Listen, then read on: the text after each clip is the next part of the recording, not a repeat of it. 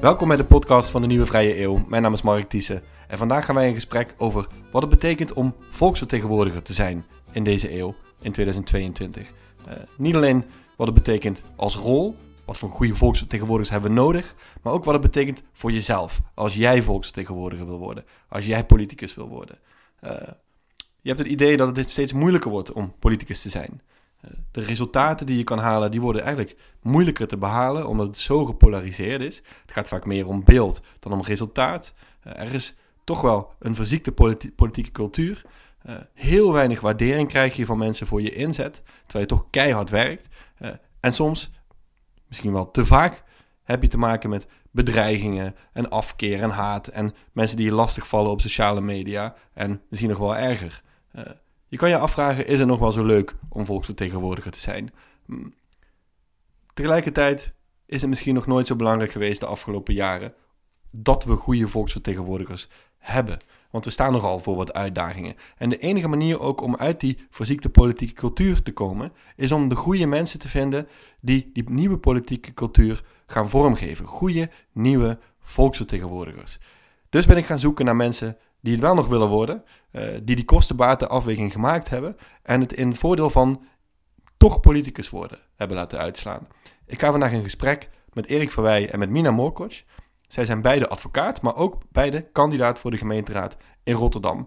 Mina staat op de lijst voor GroenLinks en zij staat op een plek die waarschijnlijk, hopelijk voor haar, uh, ook een plek in de raad zal opleveren. En hetzelfde geldt voor Erik, alleen staat hij op de lijst voor VVD. Dus twee partijen die misschien toch wel ver van elkaar afstaan inhoudelijk. Um, maar twee mensen die wel nog bereid zijn om met elkaar het gesprek aan te gaan. En dat is volgens mij ook een van die dingen die we moeten zoeken in volksvertegenwoordigers voor deze tijd. Uh, veel te vaak wordt het gesprek ontweken en gaan mensen het conflict aan omdat de prikkels zo zijn ingericht dat conflict meer oplevert dan gesprek, meer dan samenwerking. Uh, en daarom vind ik het zo leuk dat ik hier de kans heb gekregen om met Mina en met Erik te praten, die ondanks hun ideologische en inhoudelijke verschillen toch gewoon met elkaar aan tafel gaan, met elkaar oneens kunnen zijn en net zo vriendelijk weer afscheid nemen van elkaar. Uh, heel leuk om met hun hierover te praten. Twee ambitieuze, maar ook idealistische mensen die ervoor kiezen om al die dingen die het negatief maakt, een beetje te vergeten en aan de slag te gaan met het positieve van het volk, volksvertegenwoordigerschap. Ik hoop dat jullie veel plezier hebben met luisteren.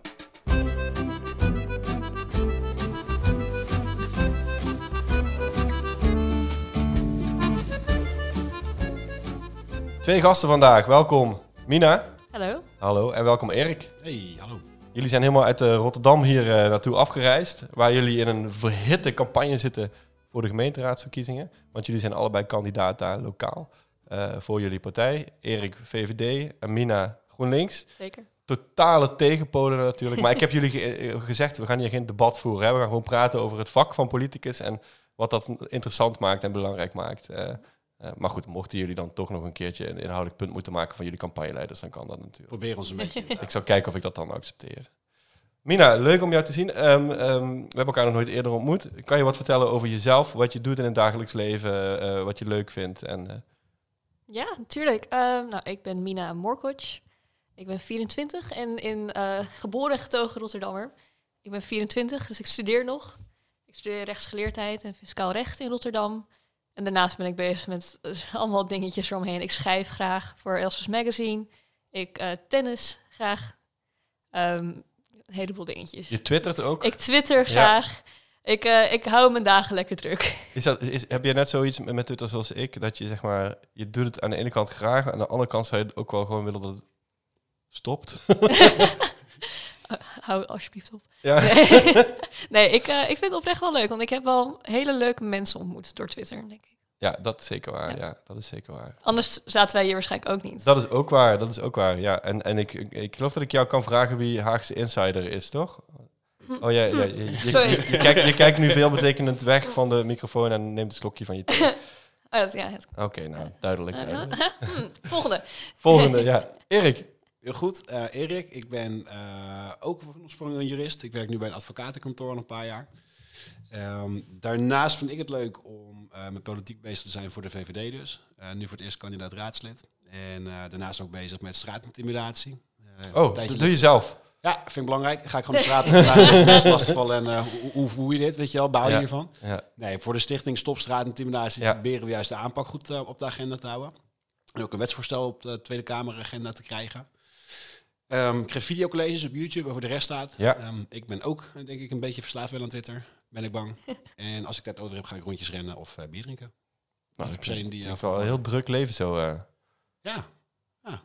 Eigenlijk kijk ik ook wel uit op het moment dat de verkiezingen geweest zijn, dat je weer even rustig aan kan doen. Als je dan ja, maar dan ben je raadslid, hè? Jawel, jawel, jawel. Maar is je agenda gewoon een stuk overzichtelijker, wat meer rust in je leven. Ja, precies. Nee, die campagne is waanzinnig leuk, als we het zo over hebben, maar je staat de hele tijd aan. Het is wel Ja. echt heel intensief. Ja, Ja, dus ja. het is een feest en dan ook echt een eh, pittig feestje. Ik denk wel dat we allebei gewend zijn om constant aan te staan. Dus of dat we het nou rustig gaan doen na de verkiezingen, of we Nee, wel of ben niet de raad inkomen, denk ik niet. Nee, ik Nee, liever niet. Twee Duracell konijntjes die ik hier eh, tegenover mij heb zitten. Echt Rotterdammers. beetje, denk ik. Ja, maar opstropen en rammen. Ja. Ehm, het is voor mij de derde of de vierde keer dat jij in deze podcast zit. Je bent Dat natuurlijk ook act- actief bij ons eh, Nieuwe Vrije Eeuw. Ehm, ja, dit keer iets anders denk ik. Hè? Normaal ben je een soort van, zijn wij een duo. Ja, en nu ben je echt de, degene die geïnterviewd gaat worden. Dus een andere rol. Leuk. Ja, zin in. Lachen. Zeker. Ehm, ja, ik zat een tijdje lang na te denken. Ik merkte ook dat het vaak terugkwam in de podcast bij gasten. over de vraag: waarom zouden mensen überhaupt nog de politiek in willen? Eh, en ik vond het heel moeilijk om daar een antwoord op te bedenken. Omdat eh, wat ik zie is dat. Als je het echt in, termen van kosten-baten gaat zien, zijn de kosten de afgelopen jaren veel hoger geworden. Als je naar voren treedt om volksvertegenwoordiger te, te worden.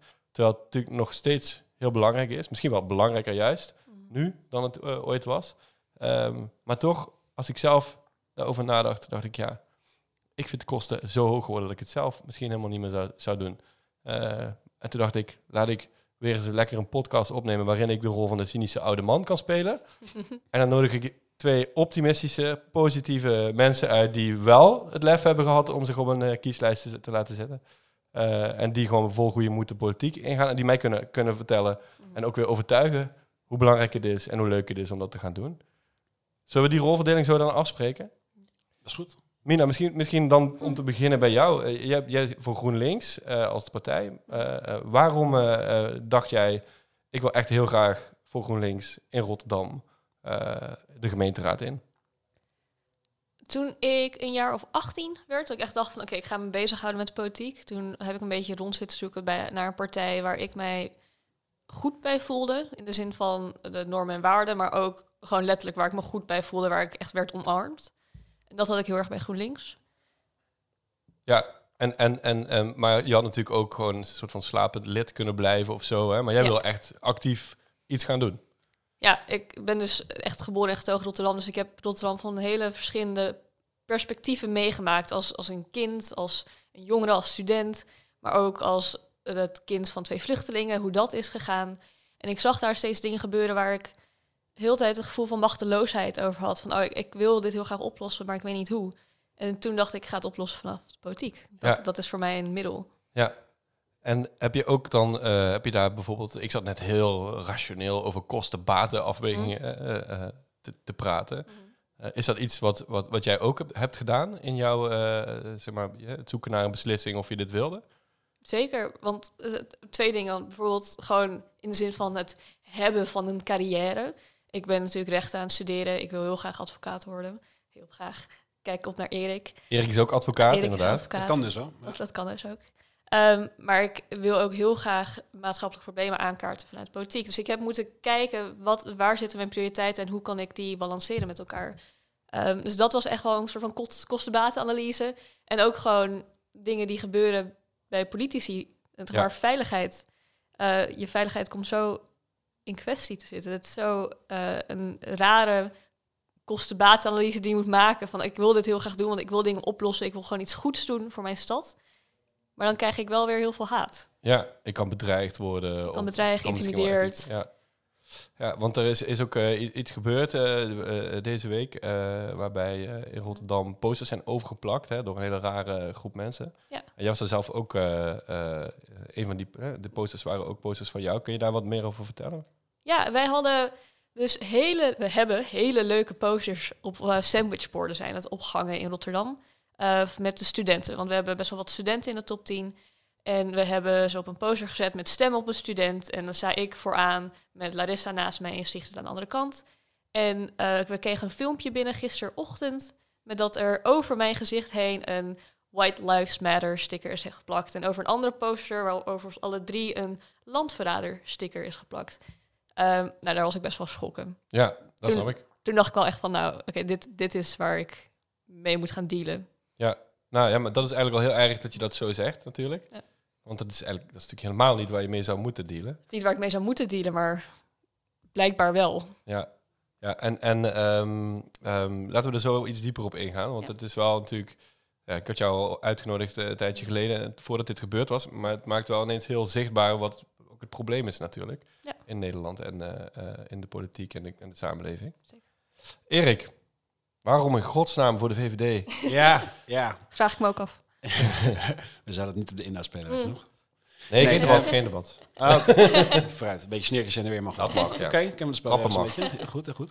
Nee, ik was wel zo'n nerd op de middelbare school die al wist van oké, dit is wel iets wat ik later wil gaan doen. En eh, leerlingenraad en de jongerenraad van IJsselstein, het dorpje waar ik vandaan kom, feestcommissie, dat soort dingen vond ik altijd wel mooi. Ehm, studententijd even een tijdje laten liggen. Toen ik bij een wat groter Zuidaskantoor ben gaan werken. Had eigenlijk gewoon geen tijd om, om hier iets mee te doen. Want het is natuurlijk ook wel echt een belasting op je agenda als je dit nog naast je drukke werkzaamheden wil doen. Toen ben ik naar een kantoor gegaan waar je iets meer werk- en privébalans hebt. En toen eigenlijk vrij snel zo van, nee, wacht even. Ja, dit is toch iets wat al zo lang aan me trekt. Dit politiek actief willen worden, debatteren, voor mensen opkomen. eh, maatschappelijke problemen willen oplossen. Eh, da- daar moet ik wat mee. En dan ga je kijken welke partij past dan bij mij. En ik moet niet heel nadrukkelijk gaan kijken naar, naar concrete standpunten. Of, wat staat er in het afgelopen verkiezingsprogramma? Of wat vinden we vandaag toevallig over, noem het even, de hypotheekrenteaftrek of de kilometerheffing.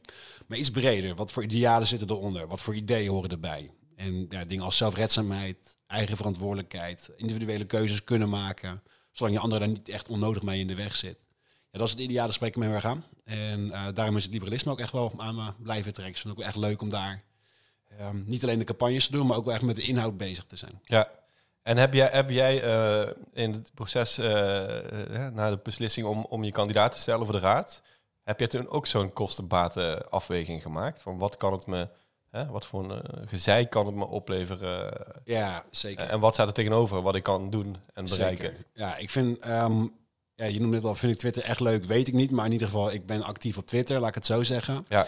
En als je daar op een ja, felle of kritische manier iets schrijft over een of geen partijen, of soms met die videocolleges wel een keer, ja, je krijgt echt reacties waar je nog een week buikpijn van hebt. En ik heb echt wel zeg maar, best een dikke huid ondertussen, maar soms is het zo intens lelijk en haatdragend en bedreigend. Ja, dat je echt een paar dagen denkt van ja, oké, ja, weet je wat, laat ik maar, fuck it. Als dit een wordt, dan, ehm, heb ik daar misschien helemaal geen zin meer in. Ja. Maar ik word er ook wel een beetje recalcitrant van. Dat je denkt van ja, weet je, als dit nu inderdaad iemand is die in zijn zolderkamer denkt van hey, als ik nu maar even één keer een heel lelijk bericht plaats, ja, dan gaat hij wel weg, houdt hij wel op, houdt hij zijn mond wel, zal hij minder kritisch zijn.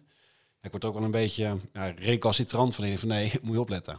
Krijg hem krijgen ook. Dus je wordt er ook wel een Ja. beetje gemotiveerd door. Ja. En ik heb het geluk gehad dat ik niet nog in, op Mina manier in, de, ja, in, je, in je eigen omgeving zo gezegd ben geraakt. Maar ja, social media kan elke eh, idioot kan zomaar wat roepen. Maar je bent er wel mee bezig, tuurlijk. Heb ik een poster voor mijn raam bij de deur? Nee, omdat ik gewoon denk van ja, ik vind het niet helemaal ideaal dat mensen weten waar ik woon. Dat is toch net niet relaxed. En dat je zo'n keuze moet maken, terwijl ja, misschien andere partijen of andere mensen daar veel luchtiger over kunnen denken. Ja, dat zit toch wel een beetje in de weg. Van, ja, hm, zou dit dan dan moeten zijn?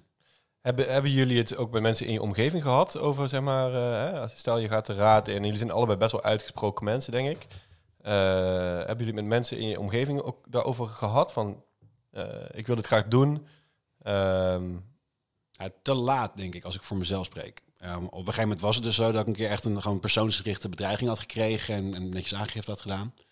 En dan moet je toch thuis gaan vertellen van, joh, ik ga vanaf nu even wat foto's van mijn social media weghalen waar jij op staat. Of ik ga misschien eh, wat foto's weghalen waar onze eh, woonplaats zichtbaar op te zien is. dat heb je echt allemaal preventief eh, gedaan. Ja. Ja, Oké. En jij ook, Mina? Ja, ik ook. Ik ook. Zeker met mijn vriend en mijn moeder en mijn broer heb ik het gewoon over gehad. Van nou, ik, ik moet gewoon even een soort deep dive doen op mijn social media om te kijken of er niet al te veel ehm, kwetsbare dingen op staan, voor, voornamelijk voor de rest. Want zeg maar, ik ben maar één persoon, maar er zitten heel veel mensen om mij heen.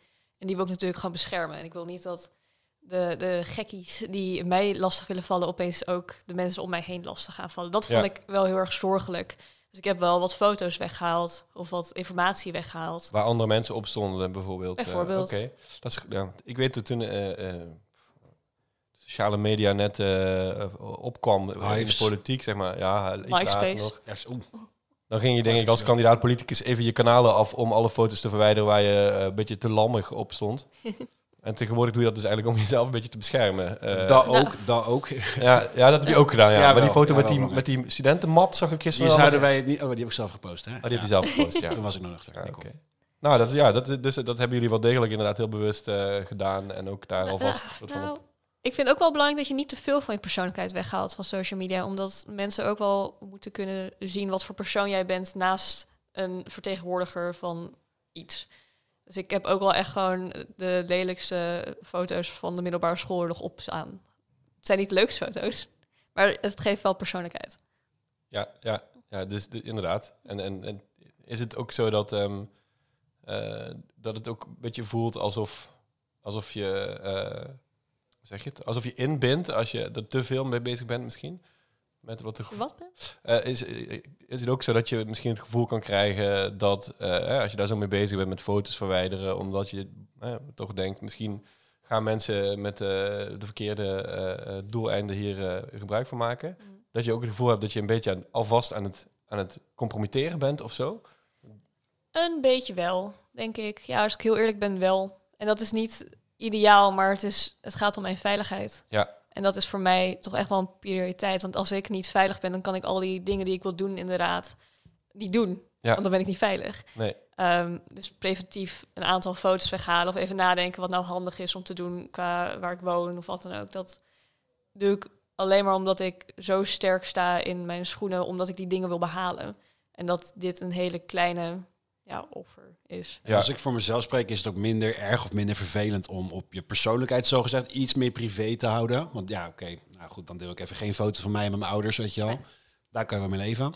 Het zou pas naarder worden, vind ik, als je echt op een gegeven moment denkt van ja, Dingen niet zeggen. eigenlijk wil ik inderdaad nu heel veel Ja. kritiek uit op hoe, die, Mm. hoe dat Kamerlid zich uit of dat idee of dit onderdeel van het verkiezingsprogramma. Ja. Ja, vorige keer kreeg ik er zoveel shit over me heen, dat heb ik geen zin meer in. Dat zou echt een probleem worden. Ja. Want dan kan je ook niet meer in vrijheid de, de stem vertegenwoordigen die, die je in jezelf hoort, die je belangrijk vindt. Ja. Dus dan wordt het echt ingewikkeld. Als het gaat om persoonlijkheid iets meer privé houden.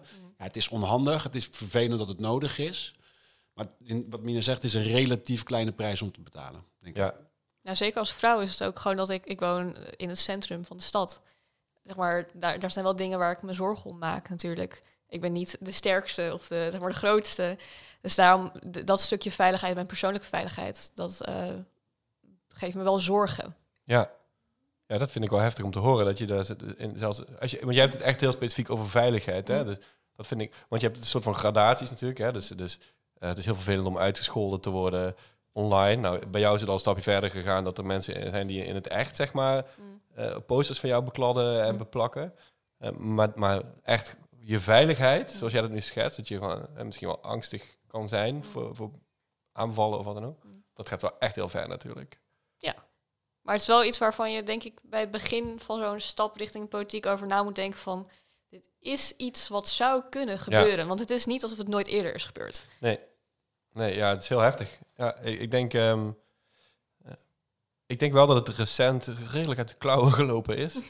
Ja. Eh, Want dit zijn niet overwegingen die mensen tien jaar geleden maakten... toen ze eh, voor een gemeenteraad... eh We- weet ik ik dus niet. Dat vraag ik me toch echt wel nou ja, af. Kijk, het is niet. best wel een tijd... op dit niveau. Nee? Dat je bang bent voor je veiligheid als je gewoon een gemeenteraads... eh, nee, ik denk zelfs vijf jaar geleden nog niet. Ik vind het heel lastig. Ik heb nog niet zo heel lang geleden de keuze gemaakt om hier actief in te worden. Dus dat Ja. is ook een beetje het gekke. Als je hier als groentje net binnenkomt, Dan is het misschien best wel verleidelijk om te denken van, oh ja, oké, nou, dit, dit zal er maar een beetje Dit bij is horen. normaal, Dit, dit, ja, dit is dit precies is wat je over je heen krijgt, weet je wel. Nee. Terwijl als je nou niet die referentie hebt van hoe dat 10 of 15, 20 jaar geleden ging, jij als meer ervaren vindt. De oude cynische... Ja, dat zijn jouw woorden, ja. Ja. Dan, eh, da- dat is toch wel lastig om daar een vergelijking in te trekken. Je hebt het er gelukkig ook wel over, wat je, wat je net vertelde met, met oudere eh, fractieleden. Van, hey, joh, ik liep hier tegenaan. Eh, je wordt echt wel aangemoedigd naar van de bel te trekken. Van, joh, kom je iets tegen of Mm. loop je ergens tegenaan op dit gebied? Ja, overleg het eventjes. Heb het er met elkaar over. Dat is niet alleen ja, verstandig uit veiligheid, maar ook gewoon om het een beetje ja, een plekje te geven, een beetje mee leren dealen. Ja. Ja, hoe ga je er tussen je oren mee om?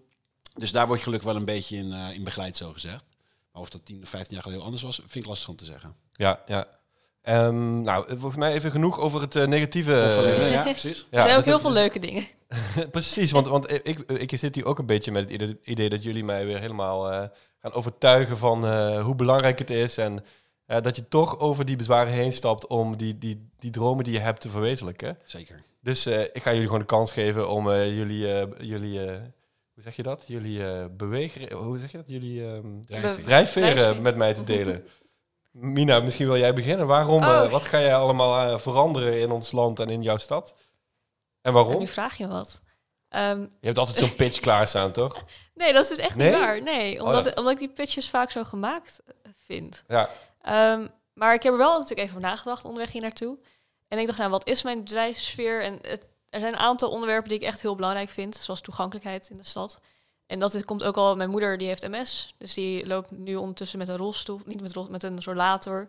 En ik loop daar dan vaak langs, gewoon naast. En dan lopen we ergens heen en dan zie ik gewoon de hoeveelheid moeite dat zij moet doen om een stoepje op te gaan, of een trappetje op te gaan, of een zijpadje in te moeten. En dat vind ik dan zo oneerlijk, omdat ik denk, omdat ik denk dat, dat het laat gewoon ziet dat er constant keuzes worden gemaakt die niet toegankelijk zijn. Ja. En dan toegankelijk in de zin van eh, bijvoorbeeld moeder met haar rollator, maar ook toegankelijk in de zin van inclusiviteit met eh, mensen met een migratieachtergrond, toegankelijkheid in de zin van eh, mensen in de queer community. Er zijn heel veel problemen in toegankelijkheid in de stad en ik zie ze gebeuren en ze doen me echt iets. En die, dat wil ik gewoon heel graag oplossen. Ja. Dat is mijn drijfveer. Je wil dat iedereen gewoon op gelijke manier kan meedoen eh met alles. Ja. En, en is dat iets wat, eh, waar, waar, waarvan je dan eh, ook echt heel concreet bij GroenLinks ziet? Nou, dat is echt de partij die, die daar mee bezig is en waar jij je dan thuis voelt? Ja, wij willen gewoon echt heel graag met de mensen om ons heen, met de bewoners, oplossingen komen zodat we gewoon zoveel mogelijk eerlijke kansen kunnen bieden aan iedereen. Klinkt heel liberaal eigenlijk. Hè? Ja, Kom je mee naar een borrel binnenkort, eh, Mina? Ja. ik kom best mee naar een borrel. Ehm, Erik, jouw drijfveer. Ja, nou, los van de specifieke thema's zijn voor mij wel het opkomen voor anderen iets is wat ik heel belangrijk vind. Ehm, ook op Dat school. is helemaal niks van VVD. Hè? Ik bedoel, Nee, wel, dan ga ik uitleggen waarom. Dat is wel. Dat zou Mina gezegd moeten hebben. Ik ben heel denken dat, maar benieuwd. het is helemaal niet zo. Kijk, en dat is een beetje wat, wat, wat, wat, wat, wat Bill wat leeft. Dat VVD is maar ervoor mensen. zijn van, joh, je redt het zelf maar. En als je het niet redt, dan ben je gewoon een sukkel. Dan moet je het maar eh, harder proberen. Maar dat is niet waar de VVD om draait. De VVD draait ook om eerlijke kansen. En het moment waar ik ehm, echt besloot, van, ja, ik zit wel echt bij de goede partij, is het moment dat we de huizenmarkt serieus zijn gaan oppakken. Dus heel serieus zeggen, kijk, van, nee, we hebben een hele generatie mensen die uh, mokerhard heeft gewerkt op de Unie of op de HBO of op een MBO om aan een baan te komen. Die vervolgens een baan heeft gevonden, daarvoor heel hard aan het werk gaat. En niet eens met z'n tweeën, maar laat staan in je eentje op een normale manier aan huis kan komen. En dat betekent dus dat je een hele grote groep mensen hebt die alles doen wat, wat we van ze vragen als samenleving. Die alles goed doen eigenlijk. Ja, en die toch heel erg tussen wal en het schip vallen. En ja, dat draait om rechtvaardigheid. Dat iets wat ik heel belangrijk vind. Maar vooral dus inderdaad dat er dus een groep mensen is die echt niet heel vaak met een handje omhoog staat. Die niet per se denkt dat een sociale huurwoning de beste optie voor ze is. Dat de overheid een huurbaas wordt. Die eigenlijk heel ja, weinig vragen, maar wel willen dat er toch naar ze geluisterd wordt als er dan iets is. En nu een hele generatie mensen ziet die vraagt om een woning of die vraagt om veilig over straat te kunnen. Die toch eindelijk vraagt om een hele rechtvaardige en effectieve klimaataanpak. Met welke middelen daar dan ook beschikbaar voor zijn. Ik denk wel dat het belangrijk is dat die mensen een stem hebben. En dat het niet alleen wordt overgelaten aan andere partijen die daar heel ingrijpende overheidsmaatregelen voor hebben. Maar juist ook dat er mensen zijn die opstaan met idee van... Hey, wacht even, misschien kan de markt hier goed mee werken. Um, misschien moeten we ook uitgaan van mensen hun eigen verantwoordelijkheid. Dat ze dingen graag willen oplossen. Um, en als je dan vanuit die plek uh, voor mensen op kan komen... die dus inderdaad af en toe een keer een handje nodig hebben... Ja, vind ik dat wel een hele mooie plek om, um, om vandaan te werken. Ja. En wat zit daaronder? Dat is echt het rechtvaardigheidsgevoel en voor mensen opkomen. Ja, je moet natuurlijk ook denken, als je, als je hè, uh, stel, dit probleem is over twee jaar opgelost, wat jij schetst. Mhm. Ga je dan uit de politiek? Nee, of nee, blijft er dan nog iets over? Dan is het wat anders. Kijk, ik heb een beetje dan is VVD klaar. Ja, gaan we zelf, dat zou je willen. Nee. nee, voor mij is het echt een soort ja, karaktertrek dat als je dan uh, in de kroeg staat en je zit in ruzie, om daar dan tussen te willen springen. Ja. Of als je in de tram zit en je ziet dat iemand op een vervelend niet wordt aangesproken, om daar dan tussen te springen. Omdat ik ondertussen weet dat ik een, ja, ik ben best een grote vent ondertussen. Ik kom aardig uit mijn woorden. Dus vind ik het fijn en ook wel een verantwoordelijkheid om daar voor mensen op te komen die ja, onrecht wordt aangedaan of die weggedrukt lijken te worden. niet op de woningmarkt komen, die niet veilig over straat kunnen, eh, die gewoon een bedrijf runnen, maar daarin een beetje worden tegengehouden omdat de gemeente wat ouderwetse regeltjes heeft. En juist die mensen die dan niet zo heel vaak inderdaad om hulp vragen, ehm, dat die dan iemand hebben waarvan ze denken van, ah ja, wacht even, ja, die man kan ik wel bellen zo meteen om iets voor me op te lossen.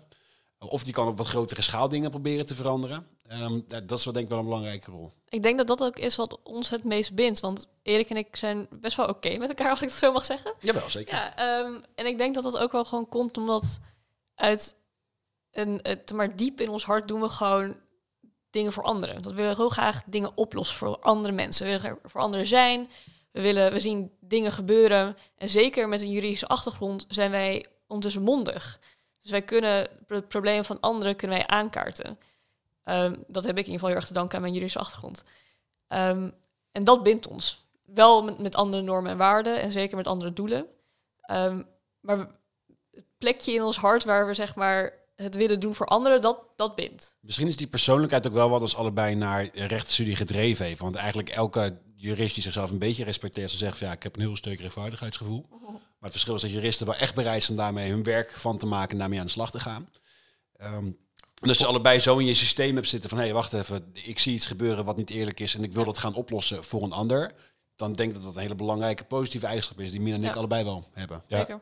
En dat, dat, eh, dat gevoel is zo sterk hè, dat je dus die negatieve kanten ook makkelijker kan accepteren uh, die er tegenwoordig bij horen. Ja, ook dat voorbeeld van wat ik in de kroeg of in het OV noemde. Kijk, het is helaas tegenwoordig ook niet volstrekt zonder gevaar als je bij een vechtpartij in de kroeg zegt van hey, uh, doe even normaal, laat die jongen even maar rustig, laat het meisje even alleen je bent ook dan bezig met van, hé, hey, ja, ehm, ben ik nu bereid om mezelf hier een klein beetje een risicootje te nemen, omdat ik het anders niet aan mezelf kan verkopen, niks te doen. Dat kan je natuurlijk op een hele verstandige manier doen, zodat je dat een beetje voor jezelf in de gaten houdt. Ehm, maar het idee dat je af en toe een keer jezelf weg moet cijferen om een ander te beschermen of te verdedigen, dat is denk ik wel iets wat heel belangrijk is. Ja, ja. En dat deel jij ook. Dat is ook een, dat is een deel van de reden om advocaat te willen worden, denk ik. Uh, dat overlapt wel. Het overlapt wel. Ik was uh, best wel lang een vrijwilliger uh, bij vluchtelingenwerk. En daar kwam ik, ik was daar zowel maatschappelijk begeleider als tolk. En ik kwam daar constant vluchtelingen tegen die tegen mij zeiden van... Mina, in mijn, in mijn vorige land uh, was ik de slimste van mijn klas. Was ik de, de, degene waar iedereen naartoe kwam. En nu kom ik hier en voel ik me zo dom. Want ik begrijp de teksten niet en ik begrijp niet wat hier staat. En ik, ik word niet geholpen. En dan denk ik, ja, maar ik, ik wil je zo graag helpen. Ik vind het zo oneerlijk wat er gebeurt. Ja. En dat is voor mij echt een drijfveer geweest. Is dat ook jouw achtergrond? Eh, wat je zei, hè? kind van, van vluchtelingen, die mm. misschien hetzelfde hebben meegemaakt? Ja, ik heb heel vaak gewoon brieven moeten lezen voor mijn moeder of meegaan naar haar, nog steeds mee naar de afspraken of als er gewoon puur omdat ik weet dat als ik er ben, dan kan ik onze, hoe zeg je dat, ehm, de dingen die wij belangrijk vinden op tafel zetten en bespreken met bijvoorbeeld een arts of met iemand van de gemeente. Terwijl mijn moeder sneller zou zeggen van, oh, ik snap niet, ik, uh, ik stap nu even weg. Dan, dan ga ik juist door. Ja. En dan krijg ik wat zij verdient. Ja. Terwijl vluchtelingen zijn die niet krijgen wat ze verdienen, gewoon puur omdat ze uh, of de taal niet beheersen of niemand hebben die dat wel doet. Ja, ja het is een hele concrete uh, drijfveer, hè? ook uit je eigen ervaring natuurlijk. Ja. Oké, ehm, ik ben echt al uh, sinds heel lang gefascineerd door wat volksvertegenwoordigerschap betekent. Mm -hmm. um, ik heb dat denk ik een beetje door, hoe zeg je dat? Ik dacht altijd je wordt politicus of staatsman of zo. En dat is gaaf, weet je wel. Want dan, uh, dan zit je aan tafel en dan werk je met allemaal hele belangrijke mensen en zo. Maar, en ik denk dat best wel veel mensen dat zo zien. Maar wat je natuurlijk eigenlijk bent als jij de raad ingaat of als je de Kamer ingaat, is gewoon volksvertegenwoordiger. Mm -hmm. je bent helemaal niet. Uh, politicus is, is ja, misschien het, het, vak of zo, maar uiteindelijk zit je daar om mensen te vertegenwoordigen. Um, en ik ben heel benieuwd hoe jullie dat, uh, hoe jullie dat volksvertegenwoordigerschap voor je zien. Uh, wat je daar belangrijk aan vindt, mm. hoe je dat zou willen uitvoeren um, en waarom je dat zou willen worden. Nou, dat hebben jullie net, natuurlijk net al redelijk goed uh, gezegd. Ook echt voor mensen opkomen hoort er natuurlijk wel bij. Um, misschien kan jij beginnen, Erik. Als je, als je dat woord hoort, hè, volksvertegenwoordiger, wat denk je dan aan? Ik denk dat het twee dingen betekent. Het eerste wat het betekent is dat je ook wel inderdaad gewoon luistert naar wat onvrede is, waar die vandaan komt. En dat je dat aankaart bij mensen die daadwerkelijk beleid maken om dat op te lossen. Um, dus dat is natuurlijk een hele belangrijke. Maar ik denk wel dat dat nu het zwaartepunt is gaan krijgen. Misschien dat het een beetje uit de hang naar dualisme komt, maar elk Kamerlid lijkt er maar op ja, gedreven en gejaagd. Ja, om maar zoveel mogelijk boze mensen te verzamelen. En degene die dan het stoerste of meest pittig verwoorde tweetje kan schrijven met een paar duizend likes, die heeft gewonnen. Terwijl de politicus met het meest geniale, goed doordachte initiatiefvoorstel om de werkelijke problemen op te lossen, ja, die komt er dan misschien met vier likejes en een pagina 17 vanaf. En die wordt daarvoor eigenlijk weinig gewaardeerd. En uh, dat sluit ook een beetje bij aan dat politici tegenwoordig heel bang zijn om uit te leggen waarom iets werkt. Um, en dat dat toch ook wel een beetje een taak is van een volksvertegenwoordiger. Dat je een soort spreekbuis bent tussen de mensen die het beleid maken en wat dan nu het beleid is. Praktisch voorbeeldje. Uh, vorige week langs de deuren gegaan en dat ging dan over die, die, die akelige gijzeling hier in Amsterdam met die Apple-winkel. En er was een man die was woest dat die agent nu onderzocht werd. Die was heel kwaad dat die agent nu inderdaad uh, onderzocht werd voor, voor de geweldsmiddelen die inzetten. Die, die politieauto die dus die overvallen aanreed. Nou, ik was er samen met een wat oudere uh, politicus langs de deuren. En ik begon aan die man uit te leggen waarom het toch ook wel heel belangrijk is dat er in zo'n geval goed gekeken wordt, dat er een rechter bij komt, dat zo'n politieagent verantwoording moet afleggen. En die wat oudere politicus die gaf aan van ja, nee, eigenlijk is dat niet wat je moet doen. Eigenlijk zou je toch iets meer zoeken naar wat voor raakvlak heb je met elkaar. Waar kan je het wel over eens zijn? Dus ik ben nu een beetje aan het zoeken bij mezelf. Ja, in hoeverre is het nu ook de taak van een politicus om soms weerwoord te geven? Veel, ik snap dat het even doorbijten is of dat het even lastig is, maar je moet weten, dit is de achtergrond. Mm -hmm. Maar ik kom er nu wel op uit dat dat wel ook een belangrijk onderdeel is. Dat je niet zomaar elke ja, klacht of onvrede, zo gezegd, meteen maar moet aannemen en versterken en daar heel veel kracht bij zetten. Mm -hmm. Maar dat het soms ook je taak is om uit te leggen waarom nou eigenlijk een systeem wat op een bepaalde manier werkt en wat daar ook voordelen van zijn. Ja, ja, dat is dus echt het soort transparantie en uh, toegankelijkheid van de politiek waar je het over hebt eigenlijk. Dat is heel belangrijk dat we daar iets aan veranderen. Het is ook eerlijk zijn, toch? Naar je kiezers toe. Want uh, ja. uh, het makkelijkste is om, als iemand iets tegen je zegt waar die boos over is, om dan te zeggen, ja, schandalig, ik ga daar ook wel boos over zijn. Mm -hmm. dat is makkelijk. Maar het is veel moeilijker om uit te leggen waar misschien toch net iets anders ligt of... Uh, hè, waarom, het, uh, waarom het gewoon sowieso onredelijk is om hier boos over te zijn of wat dan ook. Mhm. Dat doe je niet zo snel misschien. Nee, hopelijk maken wij gewoon keuzes. Ik ga ervan uit dat wij keuzes maken op, gebaseerd op ratio. We, er is een probleem, we gaan uitzoeken hoe het werkt. We gaan kijken wat de beste oplossingen zijn. We gaan erover praten. En dan komt er een oplossing. Maar vaak komt de oplossing gewoon als een soort statement naar buiten toe. Van dit gaan we doen. Terwijl er zoveel vooraf gebeurt. Wat wij niet laten zien. En wat wij, als wij zouden laten zien, dat mensen ook misschien zouden begrijpen waarom. Ja. En die transparantie en die openheid, dat vind ik heel belangrijk. Ja, dat mis je nu ook. Dat mis ik nu ook heel erg. Ja. Ik heb voor um, straatintimidatie ook wel een, een rondje uh, telefoon, um, telefoontjes gepleegd met verschillende Kamerleden over dit onderwerp. En ja, soms merkte je echt dat ze op zoek waren naar van ja, oké, okay, maar vind je niet ook dat het toch vaak alleen aan deze bevolkingsgroep ligt? Of andersom, vind je niet juist dat um, dat straffen eigenlijk helemaal geen effectieve maatregel is. Die hadden van tevoren al besloten wat ze eigenlijk vonden. Die wilden graag gevoerd worden met argumenten om dat maar eventjes te herhalen of te bevestigen. Mhm. Maar die waren niet echt heel erg benieuwd. Nou, oké, wat zijn nu eigenlijk hele rationele argumenten voor of tegen? Ja. Maar die hadden al besloten wat hun standpunt was, omdat ze wisten al lang wat hun kiezers zeg maar, wat een beetje lekker zou aanslaan.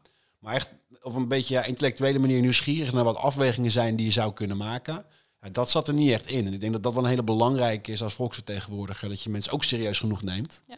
Um, om hele rationele afwegingen te maken. En soms ook eerlijk te zijn van ja, het, is, het zit genuanceerd. Het is niet alleen maar goed of slecht. En dat zie je nu te vaak bij zeker populistische Kamerleden. Um, denk ik heel weinig terug, die nuance. Ja, het is wel moeilijk hoor, denk ik. Want, want uh, je moet natuurlijk wel gewoon een standpunt hebben. Is het ook? Als politicus. En als je dat eenmaal hebt ingenomen, is het heel moeilijk om erop terug te komen. Ik vond GroenLinks trouwens, uh, we zitten in de week van de inval, uh, in de tweede week alweer van de inval van mm. Rusland in, in Oekraïne.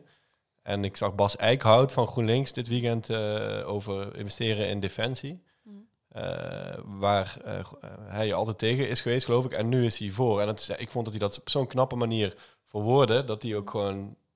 normaal gaan politici dan ofwel redeneren dat ze toch altijd al voor waren, of ze komen er gewoon niet meer op terug.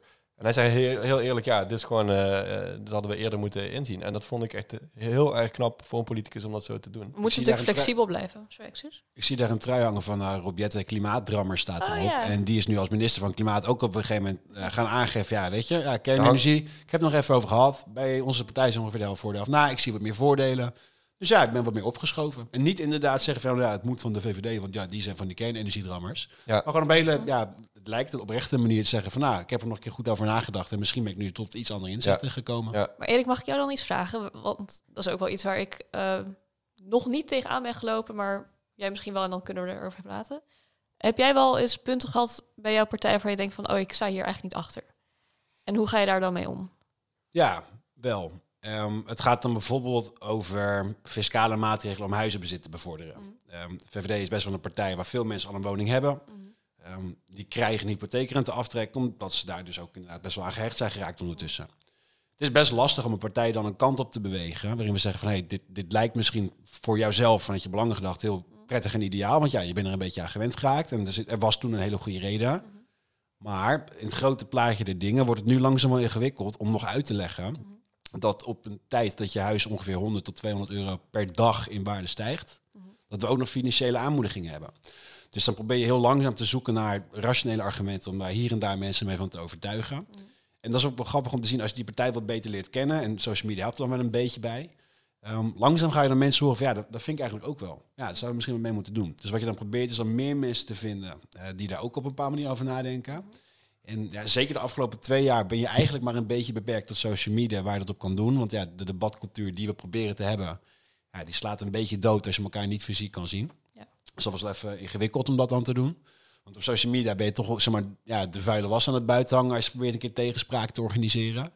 Ehm, dus de hoop is nu inderdaad dat je wat vaker met elkaar in contact komt. En dan probeert medestanders te vinden. En dan heel langzaam maar zeker probeert dan daar ehm, een beweging in te zien. Ja. Dus dat is wel een uitdaging die, die ik was tegenkom.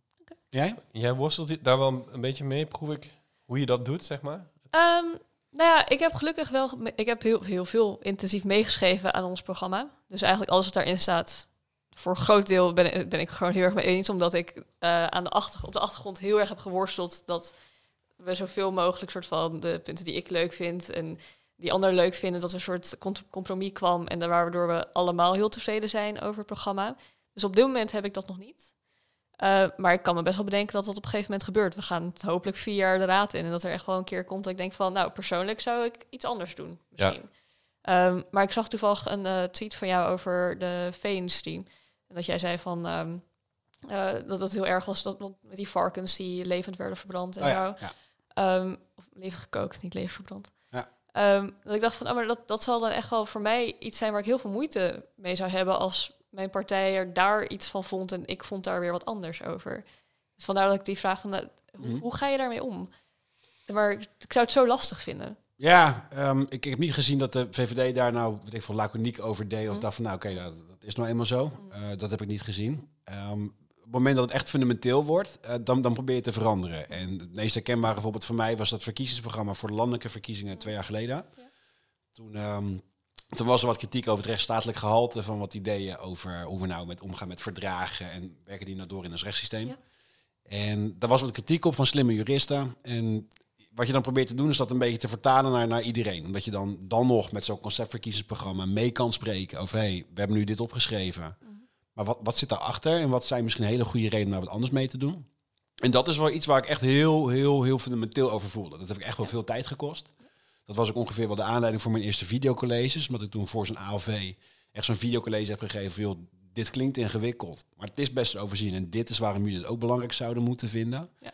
Ehm, als het zo fundamenteel is, dan moet je daar ook echt veel tijd in steken om dat te willen veranderen. Want dat gaat inderdaad niet vanzelf. Um, en als je dan daarachter komt van ja, dit, dit, dit, dit gaat hem gewoon niet worden. Maar het is wel zo fundamenteel dat ik niet achter zou staan. Ja, dan moet je ingewikkelde keuzes maken. Maar Ja. ik geloof wel erin dat je als eerste inderdaad het schip kan proberen bij te sturen. Alles verandert natuurlijk wel op het moment dat je zelf raadslid bent. Hè? Want je kan dit als lid heel makkelijk doen zo. Ehm, maar als raadslid wordt, raadslid wordt het dan moeilijker. Hè? De, de- zeker als het bijvoorbeeld ook gaat over eh, wat je fractie wil. Dat je, je kan het niet ineens oneens gaan zijn met je fractie in het openbaar. De- ja, dat kan wel, maar eh, misschien niet heel Wel, verstandig. het kan wel, want het laat ook menselijkheid zien. Ja, We zitten daar niet als robots. Dat is misschien iets waar we het ook wat langer over kunnen hebben. Dat je op een gegeven moment het idee krijgt dat een politieke partij gemaakt is om campagnemachines af te leveren. Dat je maar een soort van heel geoliede machine oplevert. En zodra daar iets van afwijkt of, of tegenin strijkt of een keer wat anders over gezegd wordt, dat het dan niet goed of verwarrend of slecht zou zijn.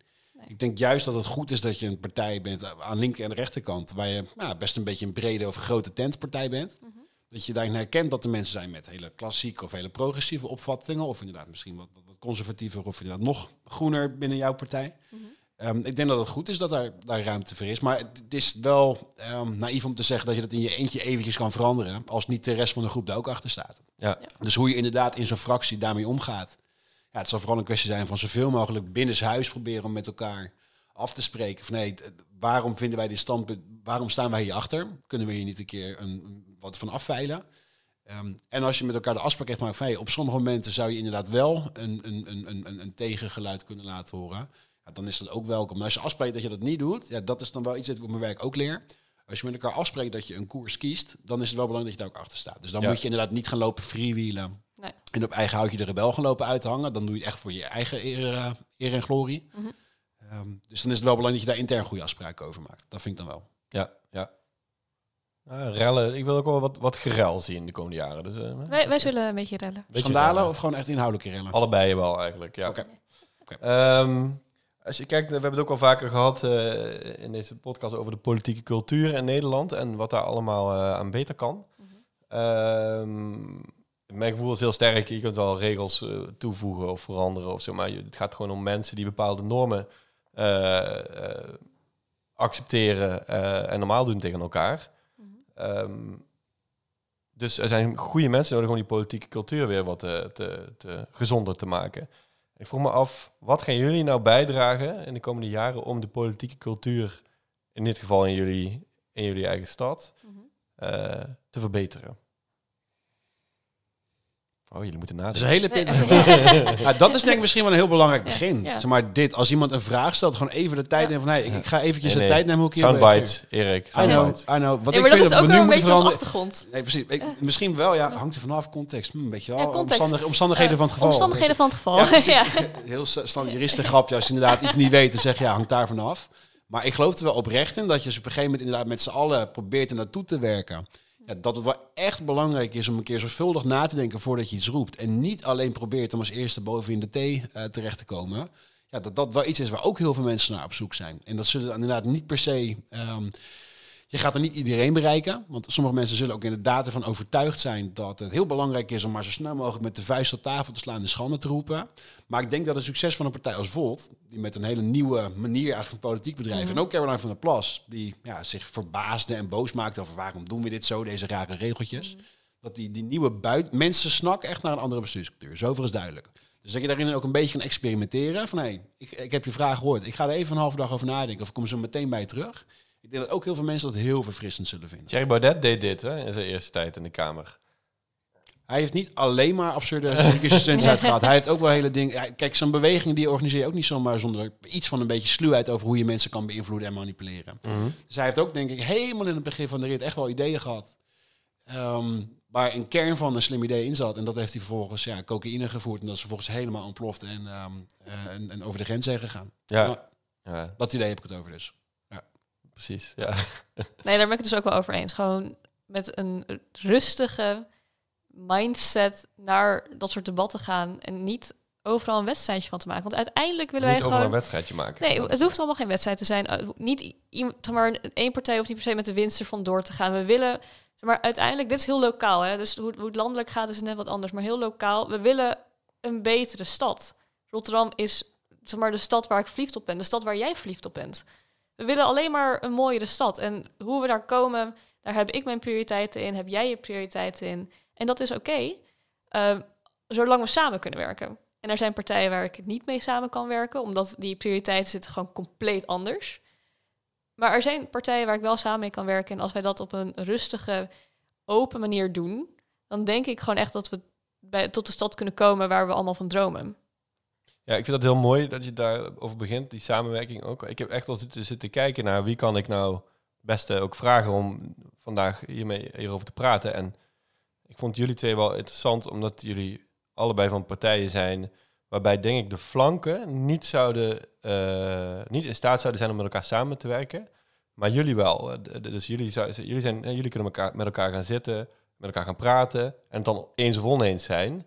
Maar ik had ook een GroenLinkser en een VVD'er kunnen uitnodigen van hè, iets meer richting de flank. En die hadden hier tegen elkaar zitten, zitten schreeuwen.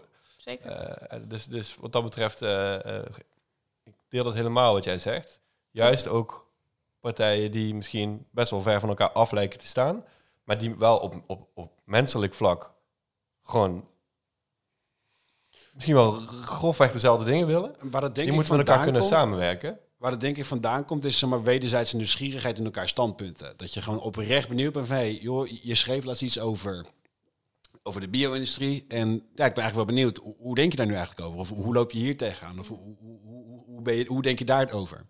Het idee dat je nog steeds in elkaar standpunten geïnteresseerd bent. Niet om ze te kunnen weerleggen, maar juist om ze te begrijpen van, hé, hey, ja, misschien zit er iets van een gedeelde waarde onder waar we wat mee kunnen. Het was denk ik een hele belangrijke uitgangspositie om daarna inderdaad dingen te veranderen ten goede. In plaats van eh, proberen zoveel mogelijk het verhaal van de ander door midden te zagen. Ja, ja eens. Het is ook een beetje hoe ons systeem is gemaakt om, om samen te werken. En als wij dat niet kunnen, dan wat hebben we dan nog? Nou, dan word je Amerika, waar dus helemaal niets meer eh, tot Nee. stand eh, kan worden gebracht. En dat is natuurlijk wel wat je hier in, in een mini-variant ook ziet gebeuren. Ehm, en de VVD heb je ook eh, mensen die, eh, als, als blijkt dat Jesse Klaver eh, aanschuift bij eh, onderhandelingen, nou, dan gaan ze hun lidmaatschap opzeggen. Denk ik, ja, maar dat, alsof dat- Jesse Klaver eh, de duivel is of zo. Ik bedoel, je kunt het met hem eens of oneens zijn, maar het is gewoon een Mhm. fatsoenlijke kerel Zeker. eh, die het land beter wil maken. dat is Eh, hetgene wat mij het meest frustreert van, van dit hele idee van het publiek debat en een beetje een, ja, je als opiniemaker gedragen, zeg maar, is je hebt mensen zoals Simon van Teuten, heb je hier een paar keer op gesprek gehad. Oh, wat een leuke vent, hè? Zeker, maar die kiest ervoor om zichzelf niet... pakken we even vijf minuten om Simon. eh Ja, de link naar de vorige afleveringen staat in de show notes. En, de show notes. Ik heb wel geluisterd. Zeker. Ehm, dat is iemand die ervoor kiest om zich niet aan een partij te verbinden. En dat maakt Ja. dat je zoveel meer vrijheid hebt. Ja. En zoveel meer waardevrij in een gesprek kan hebben. En daadwerkelijk wat kan leren en verstandkunde kan verwisselen en, en kan veranderen. Ja. Terwijl zodra je op een gegeven moment in je, eh, je profieltje zet, ik ben VVD'er. Dan is het, ja, je spreekt nou wel over de huizenmarkt, maar jullie hebben het verpest. Ja. ja, oké, ja, ik doe nu mijn uiterste best waar ik kan om daar wel oplossing voor te vinden. Ik vind ook dat het in de soep gelopen is, anders zou ik er niet over beginnen. Maar je wordt inderdaad heel snel op je, op je t-shirtje wat je aan hebt, zo gezegd, word je dan afgevakt. Ja. En dat gebeurt ook inderdaad richting andere politici. Van ja, het maakt me niet uit dat we hetzelfde willen. Hij is van een partij waar ik het niet mee eens ben. En zeker omdat wij zo nieuw zijn bij een, bij een gevestigde partij. Daar, dat, dat vind ik wel moeilijk. Zeker bij debatten ook. Als ze zeggen van ja, maar vier jaar terug. Dan zeg ik, toen was ik twintig. vier jaar terug was Nee, ik Mina, dat is 20. allemaal jouw schuld. Dit is allemaal mijn schuld. En Ik was helemaal niet bij die eh, besluitvorming. Nee, maar het is wel lastig, want je moet, eh, je moet je heel erg kunnen verantwoorden voor dingen die zijn gebeurd, niet alleen vier jaar terug, maar ook twintig jaar terug en dertig jaar terug. Mhm. Ehm, terwijl wij natuurlijk vooruit willen kijken naar wat we kunnen doen met de idealen en normen en doelen die we hebben. Dat is het in het publiek debat ook gewoon moeilijk. Zeker. Ja, dat, is dat, dat is dat wedstrijdje waar je het over had. Hè? Dus dat het al snel een wedstrijdje wordt. Dus dan ga je alleen maar verwijten. Oh ja, maar toen heeft die van jouw partij dat gezegd. En Ja. daarom neem ik jou nu niet meer serieus. En, zo. Nee. en een laagje dieper, ehm, ehm, eh, waar eh, ook mensen die je gewoon helemaal niet kent... en die nog nooit met je gesproken hebben... zoals de mensen die jouw posters gaan eh, Mhm. overplakken. Hoe kunnen die... eh, ik, ik zou ook al ergens heel raar vinden... dat iemand die mij nooit gesproken heeft... dat soort dingen doet. Ja, ik zou zeggen, kom voor een kopje thee. Dan kunnen we er gewoon even Nog over steeds? praten. Ja. Ja, maar ik bedoel, er zijn... Ik, ik geloof heel erg in de verbinding. En met sommige partijen, met sommige mensen... denk ik vooraf al... en misschien is dat mijn fout hoor... maar ik denk vooraf al, met, met jullie kan ik niet samenwerken. Met jou kan ik niet samenwerken. Gewoon omdat die prioriteiten, de normen en waarden zitten zo... zeg maar, contra. Het is vaak op prin- principiële gronden, denk ik. Hè? Dus Ja. er zijn een paar partijen waar ik ook op principiële gronden nooit mee zou willen.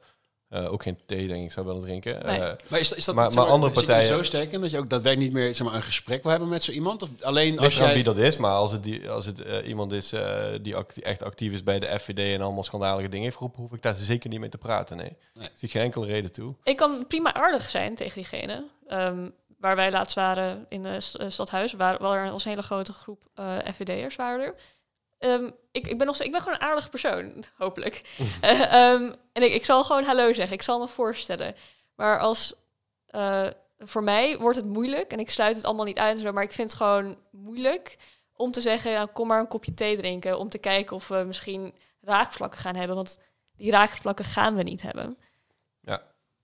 Ja, dat, eh, dat. Ik ben nog steeds een, een, zeg maar een aardig, net persoon. Ik zal ze niet uitschelden of wat dan ook. Maar je ik, gaat niet ook ineens stickers plakken op ik ga geen stickers plakken.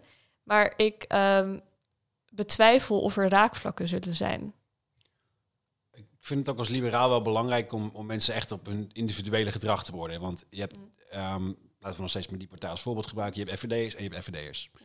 Je hebt gasten of vrouwen die zoveel rare meuk hebben geroepen van ik gewoon ja, ondertussen weet van dit, dit gaat er nog gewoon echt niet meer worden. Wij gaan, jij en ik gaan echt niks vinden waarop we elkaar nog inhoudelijk kunnen vinden, want we leven echt in een andere werkelijkheid. Dat gezegd hebbende, heb je ook mensen, ook binnen die club, waar ik op honderdduizend manieren mee aan eens ben, die ergens ook wel bepaalde idealen delen. Die vinden het belangrijk dat je als ehm, eh, burger veel inspraak hebt. Die maken zich zorgen over de kosten van klimaatbeleid. Eh, als je goed zoekt, een paar dagen de onderpelt en doorvraagt van waarom vind je dat nou eigenlijk echt belangrijk, ja, dan zul je soms op het inhoud inderdaad wel ergens iets vinden van hé, hey, wacht even. Dus je bent niet kwaadaardig, maar je vindt gewoon op een andere manier iets wat ik ook vind. Ja, Ja, maar dan moet je ook wel weer kijken naar de prioriteiten die jij hebt. Want mijn prioriteiten zijn wel anders dan die van jou. En dat is oké. Ehm, maar misschien kan jij door jouw prioriteitenlijstje nou net wat makkelijker in gesprek gaan met de andere flank van de FVD'ers. En ik wat niet, omdat de onderwerpen waar we misschien eh, met elkaar over eens zouden kunnen gaan, staan heel laag op mijn prioriteitenlijstje. Ja, nee, absoluut. En kijk, ook als het gaat om bepaalde ehm, groepen in de samenleving gewoon uitsluiten of ja, niet homeopathisch willen verdunnen en, en dat belangrijk vinden, ja, dan kan ik me zeker als je daar zelf ook persoonlijk door geraakt wordt, als jij dan in zo'n groep zet die, die op basis van je groepslidmaatschap wordt weggezet, Mm. ja, ik zou dan denk ik ook niet over mijn eigen schaduw heen kunnen stappen en daar nog een leuk gesprek over, Nee. over even, hey, waarom wil je hem eigenlijk weg hebben? Dat zou ik denk ik ook niet kunnen. Ja. Dus ik ben mijn zeven vinkjes daar misschien wat meer uh, mazzel mee. heb je zeven? Heb je zeven vinkjes? Oh man, die komt jou allemaal maar aanwaaien. I know, I know. Daarom schrik ik er van als je Je dan moet een je een sollicitatie... beetje schamen dat je op die plek eh, op de Nou, lijst soms zie je dus van die Schaam je? vacatures van mensen met een diverse achtergrond worden aangemoedigd. Dan denk ik van, hé, hey, wacht eventjes. Dit is gewoon een van mijn zeven vinkjes die nu tegen mij, eh mij spreken. Ja, dus zo ja, makkelijk heb ik het echt niet als roomblanke, heteroseksuele. hoogopgeleide- Nee. Man. Rom Witte. Ah. Toch? Blank. Zei ik room-wit? Nou, we zeggen Nee, wit, je hè? We zeggen wit, wit Oh, zeggen. ja. sorry, nieuw ook. Sorry, ja.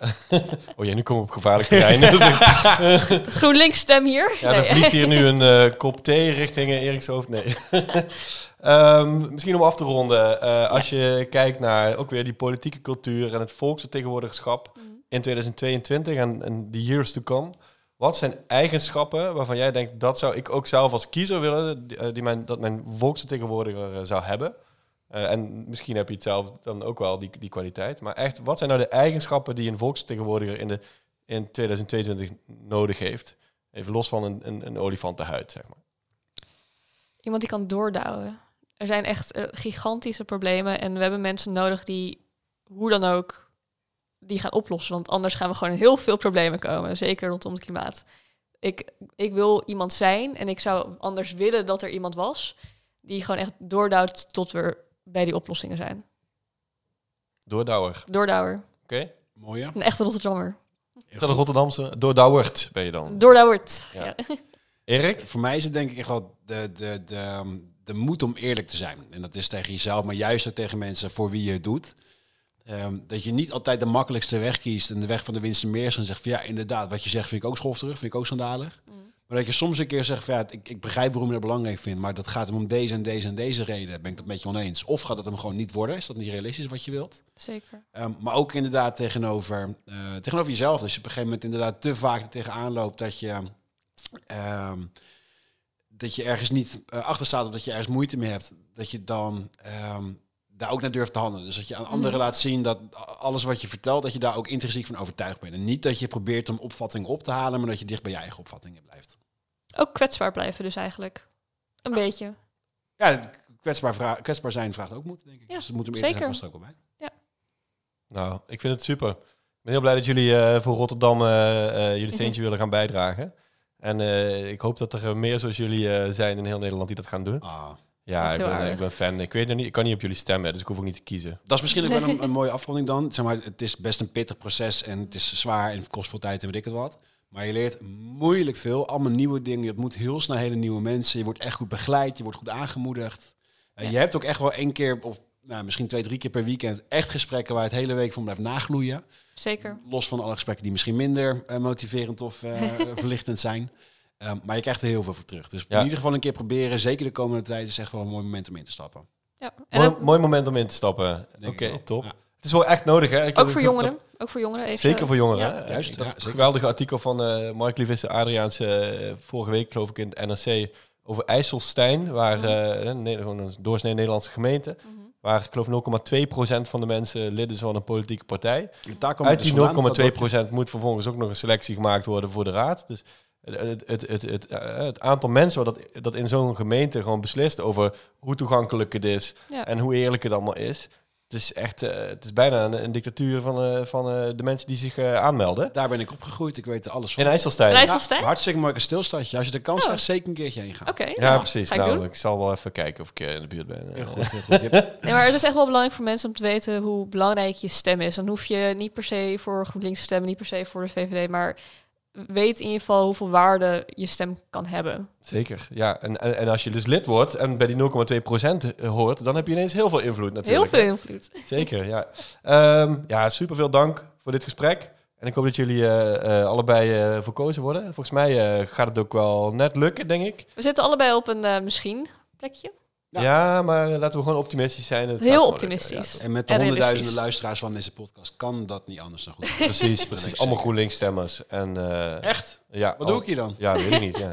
Oh, Oké, ik ga Nou, naar dacht jij ook e- eigenlijk een beetje links was. Hoor ik altijd. Dat- van dat hoor ik ook komen. altijd. Je alsjeblieft even ophouden hiermee? Oh, sorry, sorry. Nee.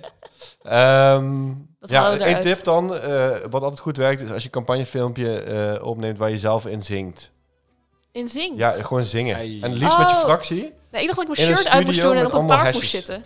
En dan lekker, eh, ik weet niet, We Are Veel the Champions word art zingen. overheen of, plakken. eh, word- eh, Comic Sans eh ondertiteling. en zo. Dat, Dan ga ik dat morgen opnemen. Ja, nou, succes. Thanks. en eh, nou, leuk. Heel veel succes komende tijd. Dankjewel.